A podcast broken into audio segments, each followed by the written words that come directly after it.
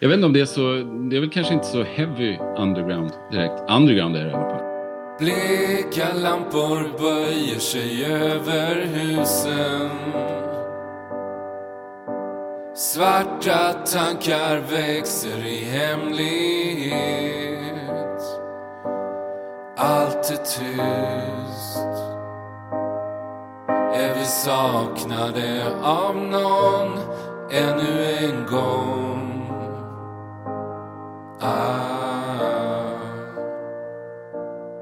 Men jag får väl börja med att hälsa dig välkommen till Heavy Undergrounds podcast och Patrik Wirén.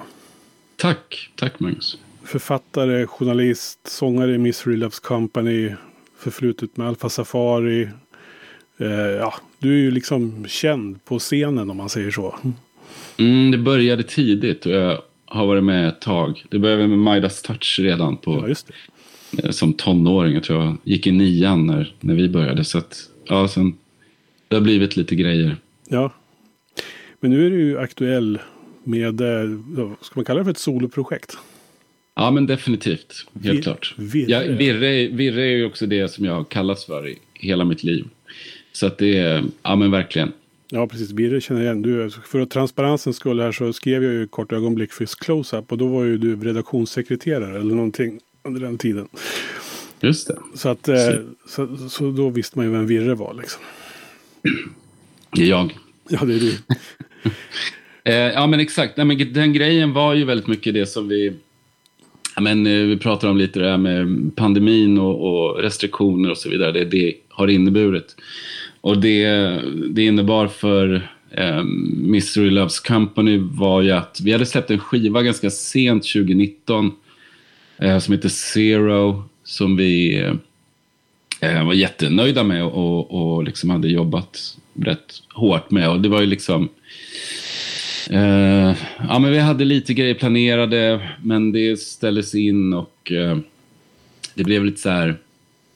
Eh, ja, den grejen var svår att göra. Det känns också så här svårt att direkt ladda om och börja skriva låtar till nästa skiva. Liksom. Så då blev det väl så... Och dessutom när det var som, som värst med smittspridningen så kändes det inte aktuellt för mig att åka till, till Uppsala där de andra håller till och där vi har vår studio. Utan jag höll mig hemma och eh, då började jag skriva de här låtarna på svenska.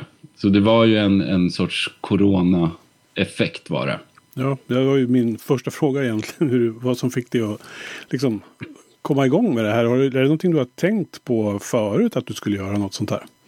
Alltså jag har till och från genom åren egentligen eh, skrivit låtar på svenska och suttit hemma med akustisk gitarr och sådär. Men jag har liksom aldrig känt att det varit någonting jag har velat ge ut. Ehm, jag har ofta liksom skrivit någonting och tyckt att det var toppen men sen förkastat det några månader senare. Liksom. Men den här gången, jag vet inte, jag tror... ehm, det var ju nog mycket... Ja, men det var nog två saker. Det ena var att jag gav ut en bok 2014 tror jag om, om uh, Refused framförallt. Eller om straight edge-scenen i Umeå. Och efter att den gavs ut så gick jag ett år på Skrivarakademin. Um, jag ville ge liksom det litterära skrivandet en, en chans. Och jag började på en bok, eh, eller jag skrev nog en, en hel bok som jag kallade för Två mil norr om stan.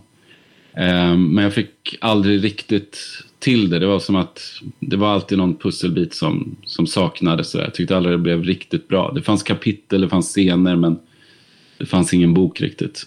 Ehm, men då nu för, ja det var 2020 när jag började med det här, då, då plockade jag fram den boken och eh, började sjunga orden istället, skulle man kunna säga.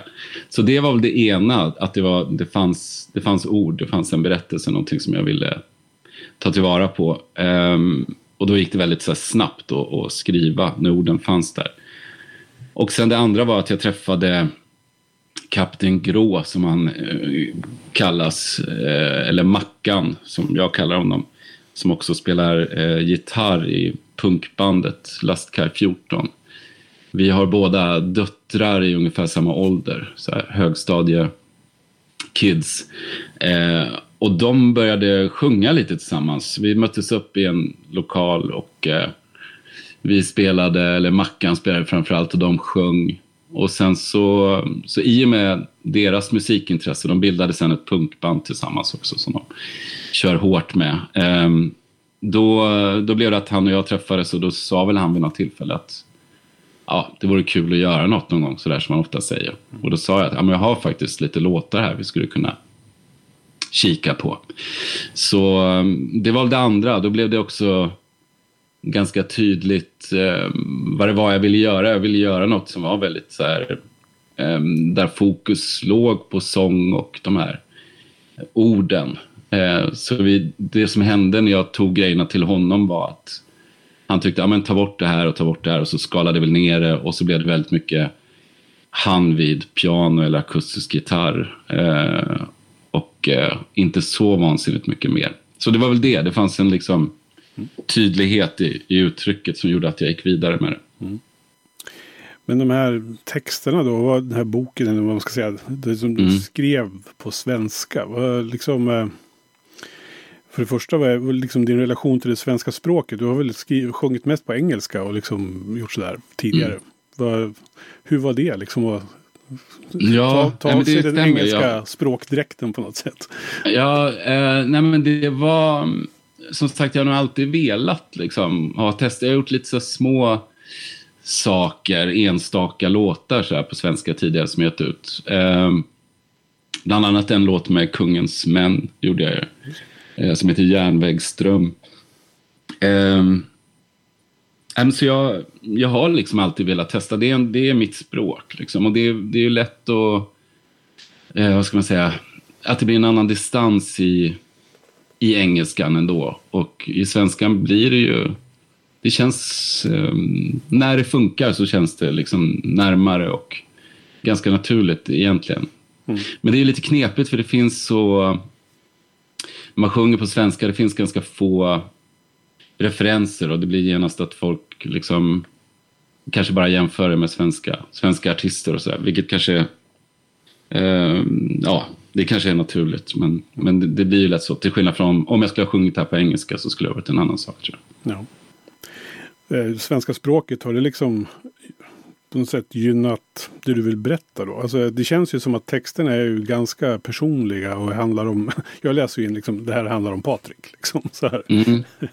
ja, men... och vad, vad, du liksom, var du kommer ifrån och vad du har varit med om eller vad man, vad man vill läsa in i det.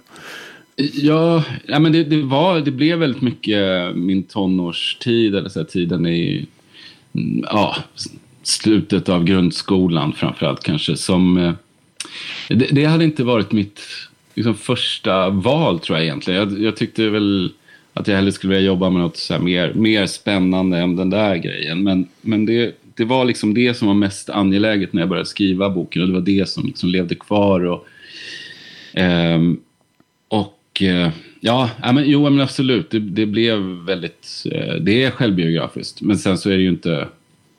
Det, är också, det handlar ju också om att få rader att funka och kännas och, och synka med varandra och så här. Det finns ju inget liksom, krav på att det ska vara helt korrekt. Men jag, jag, det... Ja, men man kan väl säga att ramen för, för de här berättelserna är ju eh, väldigt mycket så som jag minns min egen tid vid den åldern. Mm. Har du fått några reaktioner från andra?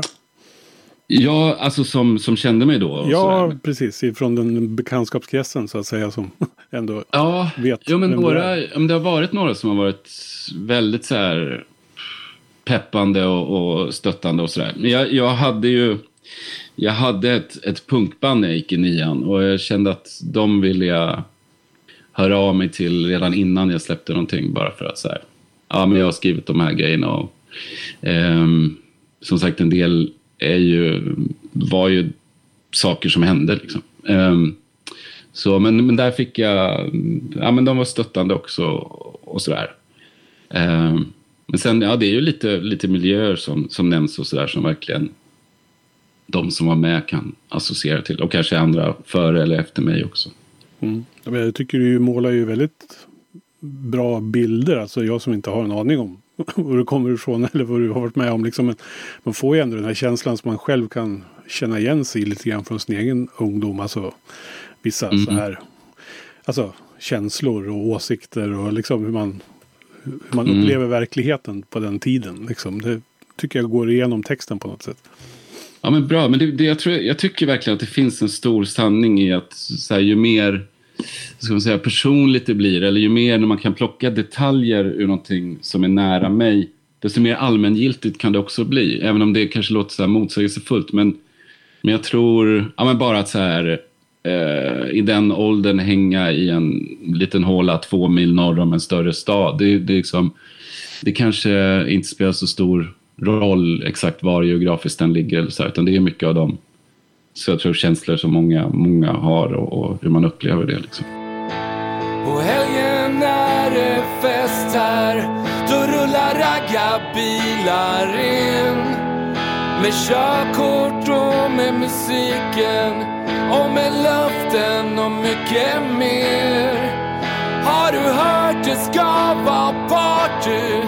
Någon som har huset för sig själv.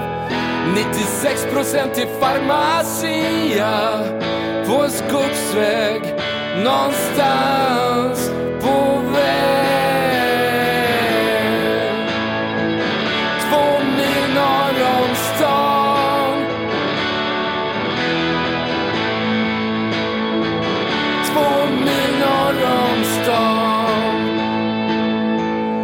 Sa vi borde bilda ett punkband som tar oss långt, långt härifrån.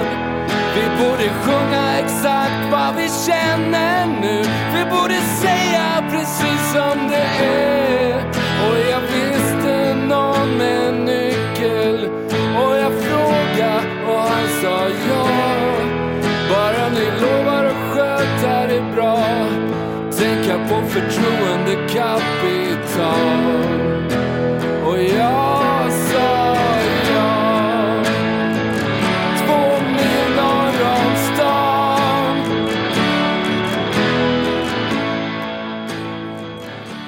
Det här är ju ganska, ska säga, det bryter ju av rätt mycket från vad det folk känner igen det ifrån. Eh, Helt tidigare. idiotiskt ju. ja, men det är ju, det är, det är ju liksom... ehm, ja, men om man, det hade ju varit mycket smartare såklart att göra någonting som, som rent musikaliskt låg närmare. Då, då skulle jag kunna åka lite, lite gratis skjuts kanske på saker jag gjort tidigare och sådär. Ja. Eh, så är det ju inte. Det är ju verkligen jätte, något helt annorlunda. Men det är också syftet. Det hade känts jävligt konstigt att liksom bygga en eh, ljudkuliss, eller vad man ska säga, som, som påminner om Missouri och använt liksom det uttrycket. Det hade ju, dels hade det känts konstigt att, att det hade liksom krockat på något vis. Då, eh, men också ointressant för mig. Alltså att hela grejen var ju att, att prova någonting som var väldigt långt ifrån mina vanliga domäner. Alltså det var ju hela, det var det som gjorde det så kul och intressant och, och ja, som, som också, ja men det var utmaningen i det tror jag. Mm. Men det är svårt. Det är svårt när man som jag har jobbat så, så länge i, med att liksom, vad ska man säga, med ett visst uttryck. Eller framförallt kanske så är ju Misery otroligt mycket lager på lager, en wall of sound liksom på något sätt. Mm. Och här är det helt avskalat och så är det en akustikgitarr och min sång. Det är ju, jag tycker fortfarande att det är lite, lite läskigt. Men, jag, men jag, det, det känns också så jäkla kul.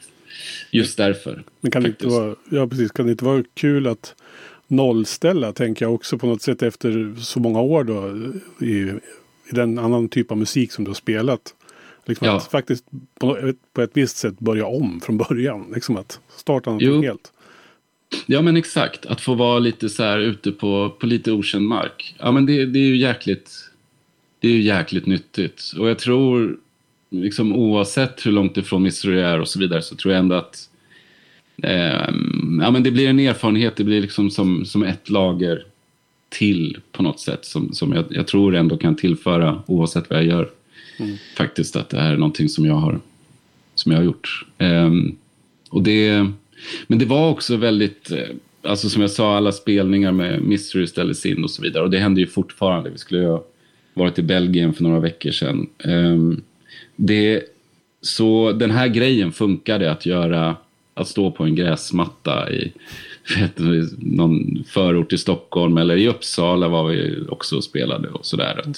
Vi kan, jag kan göra det i små sammanhang och eh, eh, där det liksom funkar även under rådande restriktioner och så. Och det är också jävligt nyttigt. Jag är ändå så här, jag gillar att gå på en stor scen och ha liksom rök och mycket volym och så vidare. Jag får en sån otrolig kick av det. Men, men också jäkligt häftigt att vara i ett vardagsrum med, med 40 pers som står väldigt nära. Det är, det är ju en annan sorts... Eh, eh en helt annan grej och också jäkligt härligt eh, faktiskt. Mm. Så, så det var ju också... Och det blev...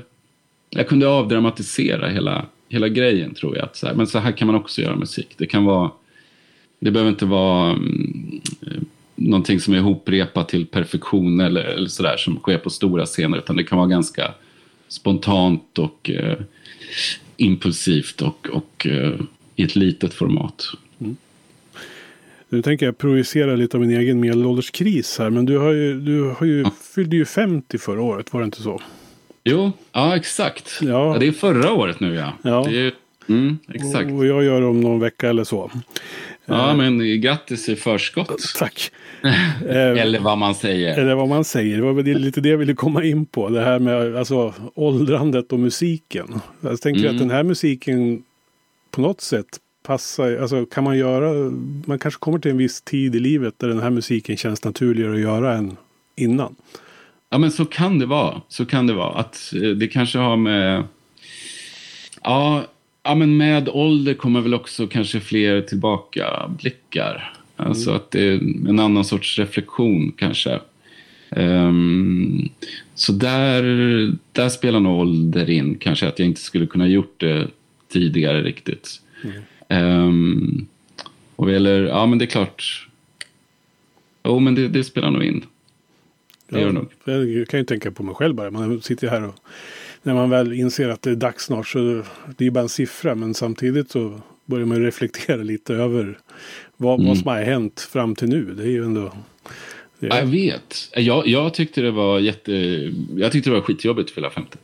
eh, men grejen är att jag, jag, tyckte... Det var som att allting förändrades den dagen. Så att det finns ett tydligt så före och efter. Ja. Jag, jag, kände mycket så oro innan, eller oro men mycket så här Um, det var som att varenda litet steg liksom definierade mig på något sätt. Att, att det var som att, vem är jag nu liksom? Och, och eh, hur hamnade jag här? Och det var mycket så tankar som malde tycker jag. Och, och, lite också vad det är att vara 50. Jag tror många har, ja. har mycket bilder kanske av när man var yngre och träffade en 50-åring. Liksom. Man förknippar en massa saker som man själv inte känner sig så nära kanske. Nej, jag känner eh. själv någon sorts liten så halv panik över att inte själv bli uppfattad som mina föräldrar när de var 50. För de var ju jättegamla då. Mm. Ja, folk brukar dra den här parallellen till Alfons Åbergs pappa. Vad, vad var han var? 37 eller något sånt ja, ja, nej, men... Så man kan väl, ja, tiderna förändras. Så jag, jag kommer ihåg, jag började gå ut på spelningar extremt tidigt i Uppsala. I och med att jag var så ung när, när jag var på med Midas Touch så kunde jag liksom då kunde jag gå in på spelningar där jag egentligen inte fick vara. Liksom. Men då kommer jag ihåg när jag var 18-19 och gick och såg band och så såg man då de här 30-åringarna och jag kommer ihåg att jag tänkte, vad fan gör de här? de har väl inget här att göra, kan inte de gå hem till sina familjer eller vad det nu var. Men jag tror, jag tror inte bara att det är liksom jag eller du och jag som har förändrats utan det ser verkligen annorlunda ut. Du vet ju när du går på ja. spelningar idag och så här. Det är inte, det är liksom det är inte samma... Eh, det är lite mer integrerat idag. Det, det, måste man ju säga. Och folk fortsätter ju göra det de tycker om. Ja, jo. Jag har goda förhoppningar om att överleva 50-årsdagen 50 också. Så att... Ja, du kommer att göra det. Det ja. kanske till och med blir, blir bättre på något vis. Precis. Jag vet inte. Men, men det är ju det är så skumt. Det där med tid överhuvudtaget. Det är ju något väldigt förvirrande över hela, ja, hela det konceptet kan jag tycka. Och man, man är väl någonstans, jag vet inte, jag tror både du och jag har väl, har väl kvar, ja men det här, eller uppenbarligen med tanke på vad du gör just nu och vad tanke, med tanke på vad jag precis har gjort, att jag har gjort någonting som jag inte har gjort tidigare och att man fortfarande har kvar den där grejen, att, att man inte är så här, ja men då kör man vidare i gamla spår utan man, man vill en massa saker. Och ja, då kanske man inte behöver bli så, så gammal i sinnet heller. Nej. Du nämnde ju det att din dotter spelar punkband nu för tiden. Mm. Jag såg dem igår faktiskt. Ja. De spelar på en, eh, på en 50-årsfest faktiskt. Eh, De är helt grymma. Ja. Nej, men jag tänkte, alltså, med tanke på vad vi nyss pratade om, att bli äldre och sådär. Och så, så, när den yngre generationen nu börjar. Vad, vad, vad tänker du om det? Alltså, vad, vill, Alltså- vad vill du skicka med henne liksom som någon sorts ord på vägen? Ja, men hon verkar fixa det rätt bra ändå. Utan, jag tror jag hade behövt fler ord på vägen faktiskt. Jag fick gå, gå på alla nitar. Och de, hon och hennes gäng verkar klara det där ganska, ganska fint ändå. De känns lite sundare och smartare än vad vi var. Eh, Men jag tycker det är ju otroligt kul. Alltså dels, dels så har man ju det här att när jag går in i någon skivaffär om man är på Sound Pollution eller Bengans eller någonting att när man står där och bläddrar bland vinylen att det liksom faktiskt står så här tonåringar runt omkring en och plockar upp gamla vinyler. Det är ju det är så här. Det känns ju jävligt härligt att det inte är helt historielöst och, och så där utan att eh, hon har ju, ja, men genom henne träffar jag ju massa folk som liksom håller på och rotar i gammal metal eller punk eller sådär. Eh, men sen är det ju, alltså det är ju helt, helt otroligt att gå på en spelning med dålig isolering som de heter och, och se henne på scen. Det blir ju helt, ja det är en riktig mindfuck på något sätt. Det är, det är, så, det är så jäkla konstigt faktiskt. Men häftigt, man blir ju helt eh, tårögd förstås. Känner du, känner du igen den där energin, ungdomliga energin på något sätt i dig själv? Ja, men jättemycket. Eh, men jag tycker de är bättre liksom. Eh, alltså de, de, dels så verkar de bara ha en skönare attityd till det där skapandet. Så. Det är mycket klackspark, det är mycket så här. De har jäkligt roligt. Det är sjukt mycket så spelglädje samtidigt som det är, är de här eh, tunga budskapen. Liksom. Jag tror... Ehm, ja, men de, de känns så trygga i, i det där, tror jag. Mer än vad jag gjorde kanske i den åldern. Hon är bara 15. Liksom. Ja, ja. Så, Men du, Ja. alltså du, tänker jag ju då samtidigt, så kickar du igång något eget igen. Vi pratade om det nyss då. Liksom. mm. Eh, kan du hitta, hitta tillbaks till den känslan från dig själv då när du var ung? När du skulle starta ett band liksom. I det här nya du gör. Alltså Eller jag kan det ju känna den väldigt mycket um, när jag ser dem. Alltså att jag blir påmind om just det, så här var det ju. Det är ju jävligt härligt. Ehm, ja, men lite, alltså... Ja, historien finns ju där och det, det är en del av en. Och det där är väl också en grej med åldrandet. Det är ju som att eh, jag är 50 men man har ju också kvar så mycket av den man var som yngre också. Det blir som det här, man brukar prata om de här olika lagren. Det är som att allting är kvar men det blir bara lite, lite mer liksom. Det blir som en, en person till eller vad man ska säga. Och, så att det, det, ligger det finns ju alltid där, ens, ens bakgrund och mm den, den kommer alltid vara närvarande. Men jag måste säga med, med Mystery så vi, håll, vi håller ju på faktiskt. Vi har ju ganska nyligen eh, igen börjat sätts i studion och vi har skrivit ett par låtar och så här. Så det är ju inte, jag ser det inte som att det ena utesluter det andra utan just eftersom det är så otroligt skilda saker på alla sätt och vis så, så ja, men jag har något behov av att göra, göra båda grejerna. Verkligen. Det är ju fantastiskt om man kan känna den energin. Alltså efter alltså, så lång karriär ändå att det fortfarande finns den där eh, Ja. suget liksom efter att göra så många saker. Men det där kanske är, en, det kanske är en poäng också. Jag har inte riktigt tänkt på det kanske nu när vi pratade, men det här varför det sker just nu. Det, det är klart att det kan ha att göra med också att insikten om att alla de där sakerna som jag förr kanske kunde tänka att ah, inte nu, sen, sen kanske. Det är ju läge att göra dem. Det är ju faktiskt så.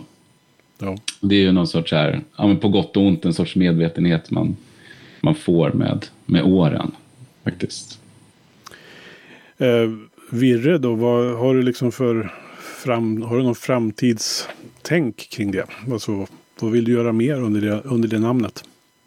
Um, alltså det är ju väldigt... Um, uh, mycket för stunden på sätt och vis. Men jag, samtidigt så tänker jag mig att det är någonting som eh, alltid kommer att existera. Eh, alltså att det är någonting som jag kommer att göra mer eller mindre frekvent tills jag dör faktiskt. Jag, jag tror verkligen det.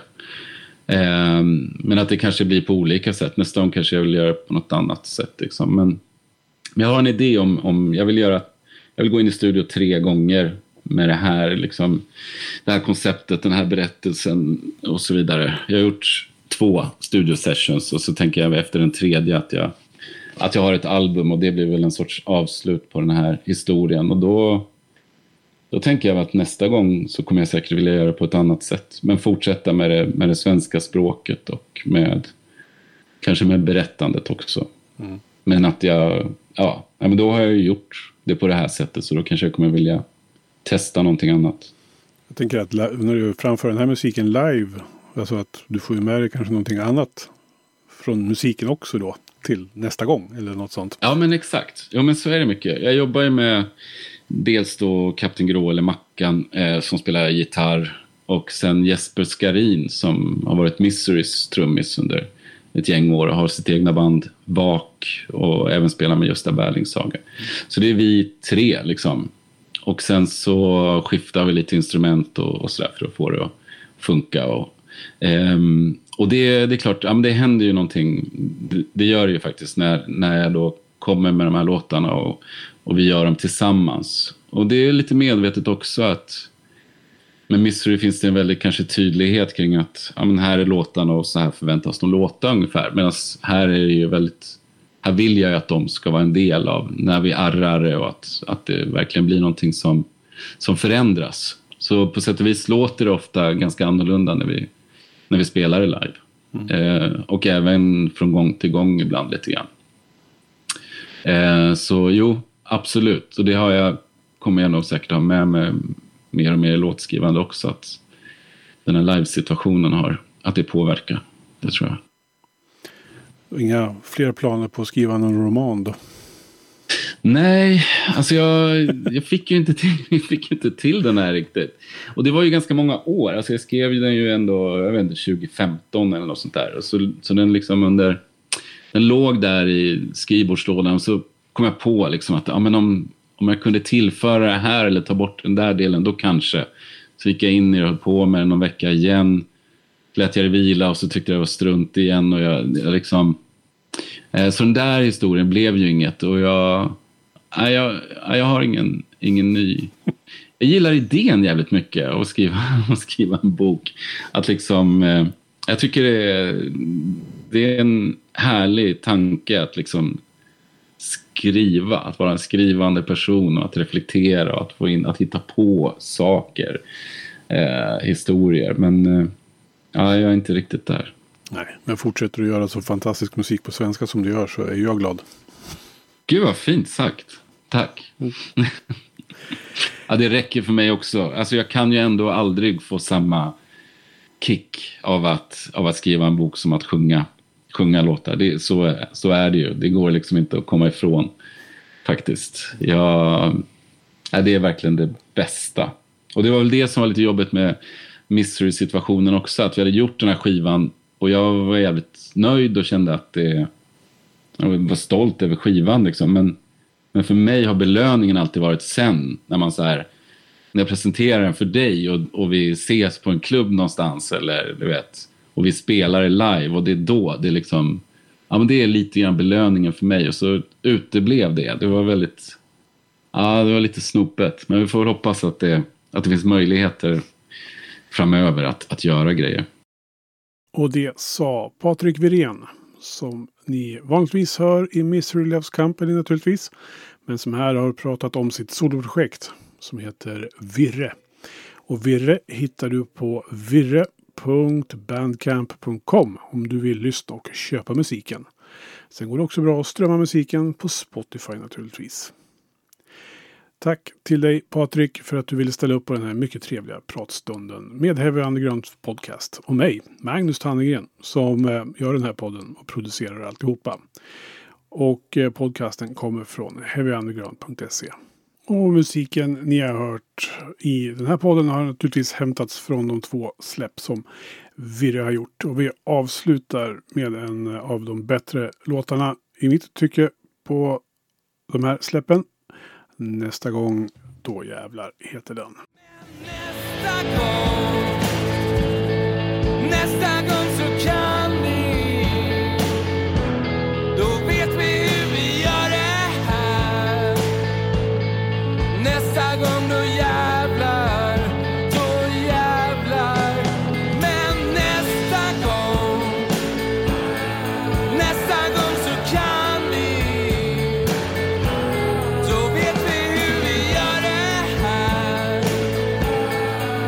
загомну я